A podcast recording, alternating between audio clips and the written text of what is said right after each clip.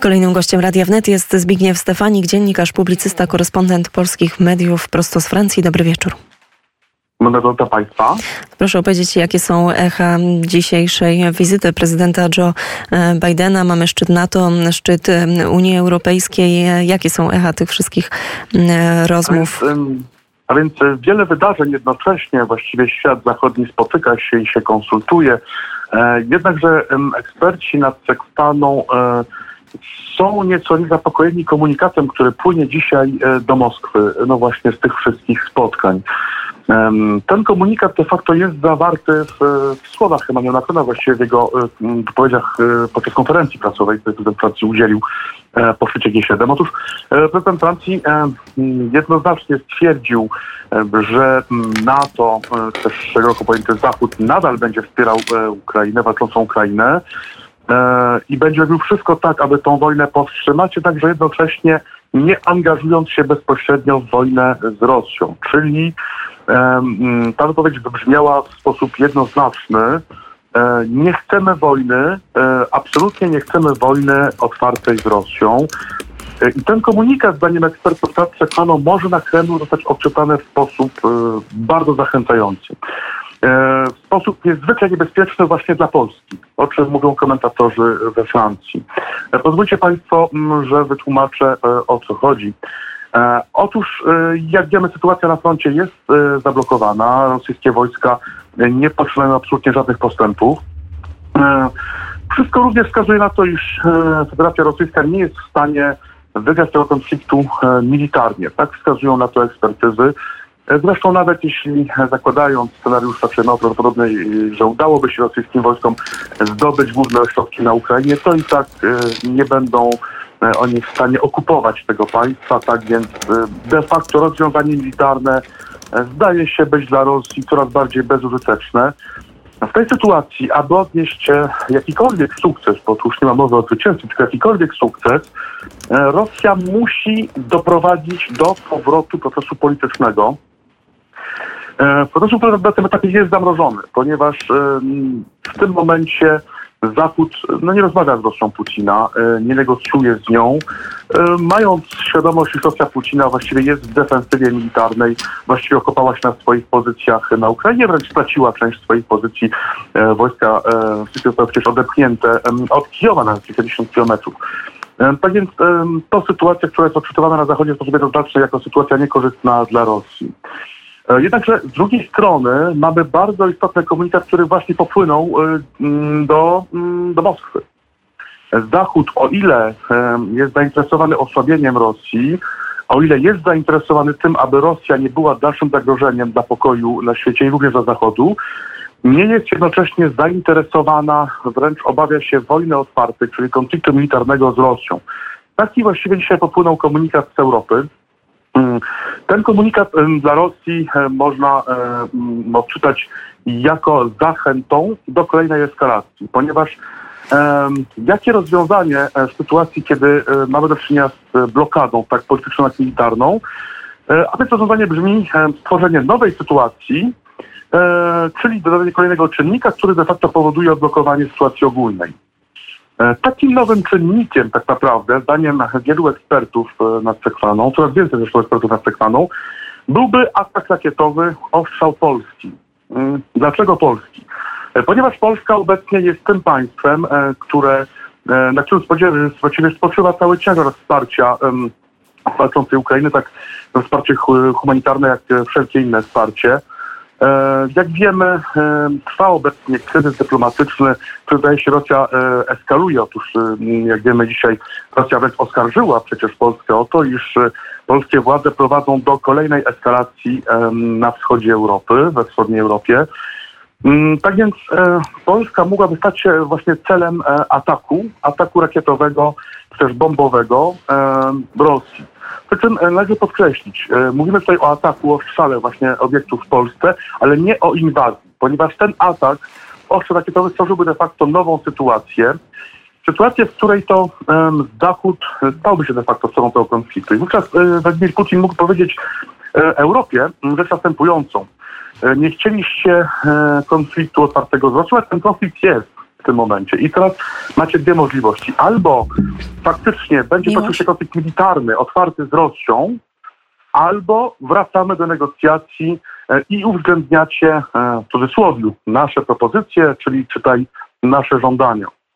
Można założyć, że w takiej sytuacji Europa Zachodnia um, przyjęłaby nieco bardziej kompromisowe stanowisko, jeżeli USA, ponieważ no, ten konflikt tak naprawdę byłby odczuwany w Europie Zachodniej. Przy tym etapie Europa Zachodnia nie poczuwa jakiegoś specjalnego kosztu w związku ze wsparciem dla walczącej Ukrainy. Owszem, doszło do podwyżek cen, w tym cen paliwa, gazu, nie tylko, ale to wsparcie nie jest na tyle kosztowne, aby mogło sprawić, e, iż Zachód e, wystraszyłby się zwyczajnie e, wsparcia dla walczącego Kijowa. Zresztą Zachód na tym etapie bardziej przerażony jest um, obrazkami, które płyną z Ukrainy, obrazkami zniszczeń e, oraz e, zbrodni popełnionych, popełnionych przez wojska e, Władimira Putina. To powoduje, iż obecnie Zachód nadal jest skłonny i będzie skłonny popierać Kijów, no chyba, że poczuje tak naprawdę tam zagrożenie, czyli jeśli ta wojna miałaby się przenieść na grunt francuski, niemiecki, jeśli miałoby dojść do podobnej sytuacji w Berlinie albo w Paryżu jak w Kijowie, jeśli miałoby dojść do zniszczeń na terytorium Francji, Niemiec, jeśli wówczas społeczeństwa tych państw byłyby zaangażowane w konflikt militarny, jeśli wówczas takie zagrożenie byłoby realne, można założyć, iż to wsparcie e, dla Kijowa na zachodzie, e, zwłaszcza w Europie Zachodniej, E, stopniałoby w sposób no, niezwykle błyskawiczny. To prawda, bo to założyć można, panie redaktorze, ale z drugiej strony też można mm, założyć, jak patrzymy z perspektywy przecież ilości mm, tych konfliktów zbrojnych, w których Rosja brała udział, tak naprawdę ich było kilkadziesiąt od czasów zakończenia II wojny światowej. Te zbrodnie wojenne popełniane były przecież i w obu wojnach rosyjsko-czeczeńskich i w Gruzji. E, później za każdym razem przystępowaliśmy do rozmów, e, do biznesów, do handlu handlu z Rosją, mm, tak jak to, jakby to wszystko się nie wydarzyło. No i pytanie, czy jeżeli Zachód y, postąpi w taki sposób, że faktycznie wycofałby tą pomoc dla Ukrainy, bo bałby się tej eskalacji na pełną skalę, czyli de facto bałby się no, trzeciej wojny światowej, bo kiedy mówimy o tym, że to miałoby się dziać na terenach e, Niemiec czy Francji, to byłby już konflikt zupełnie tak ogólnoświatowy, to też pytanie, czy to nie jest tylko trochę takie odraczanie wtedy tego, co może nastąpić. No bo jak spojrzymy na politykę już nie tylko Władimira Putina, tylko po prostu Rosji, to ona jest taka, taka wielkoimperialna i cały czas do tych ataków dochodzi, to może naprawdę później Polska i może za kilka lat by się ten schemat powtórzył. Pytanie, czy nie lepiej teraz spróbować to przesilić i faktycznie mm, taki, no to już trochę takie pytanie z zakresu geopolityki, ale, no ale pewno można się nad tym zastanawiać.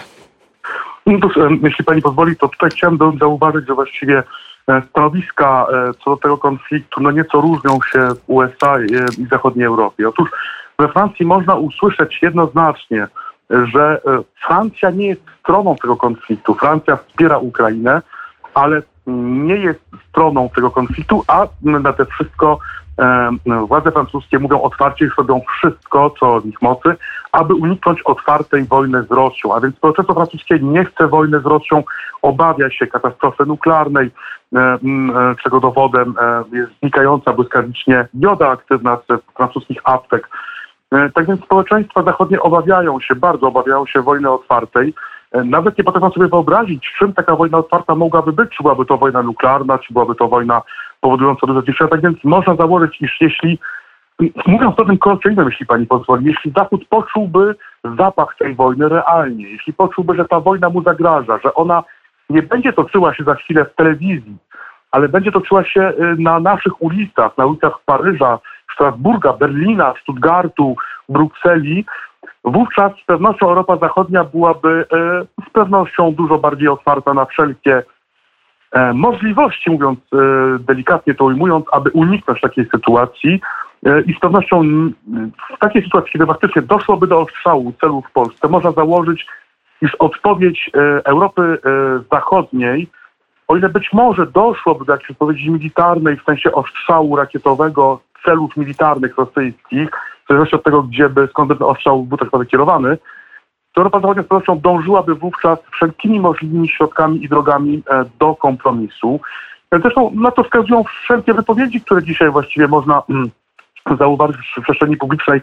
E, te wypowiedzi właśnie, które mówią we Francji, że to nie jest nasza wojna, że ta wojna jest okrutna, ona jest straszna, Władimir Putin jest zbrodniarzem, natomiast to nie jest nasza wojna w sensie takim, że my w tej wojnie nie bierzemy udziału. My możemy wesprzeć walczącą Ukrainę, możemy wysłać pieniądze, wysłać żywność, możemy przyjąć uchodźców, ale nie jesteśmy gotowi za nich umierać. I ten sygnał jest jednoznaczny. Dlatego też eksperci nad Sekwaną coraz głośniej mówią o tym, iż zagrożenie dla Polski jest realne, ponieważ no, w sytuacji, gdzie faktycznie Władimir Putin znajduje się w pewnych kleszczach, jest właściwie zablokowany dyplomatycznie, e, ponieważ ten, ten dialog właściwie e, ugrzęzł. E, warto również zwrócić uwagę na bardzo ciekawą wypowiedź prezydenta Ukrainy, który powiedział, że jest w stanie właściwie rozmawiać z Władimirem Putinem o wszystkim, również o Donbasie czy też Krymie. Natomiast jakiekolwiek by nie były podjęte decyzje traktowe, to wówczas musiałyby one być ratyfikowane w drodze referendalnej przez Ukraińców.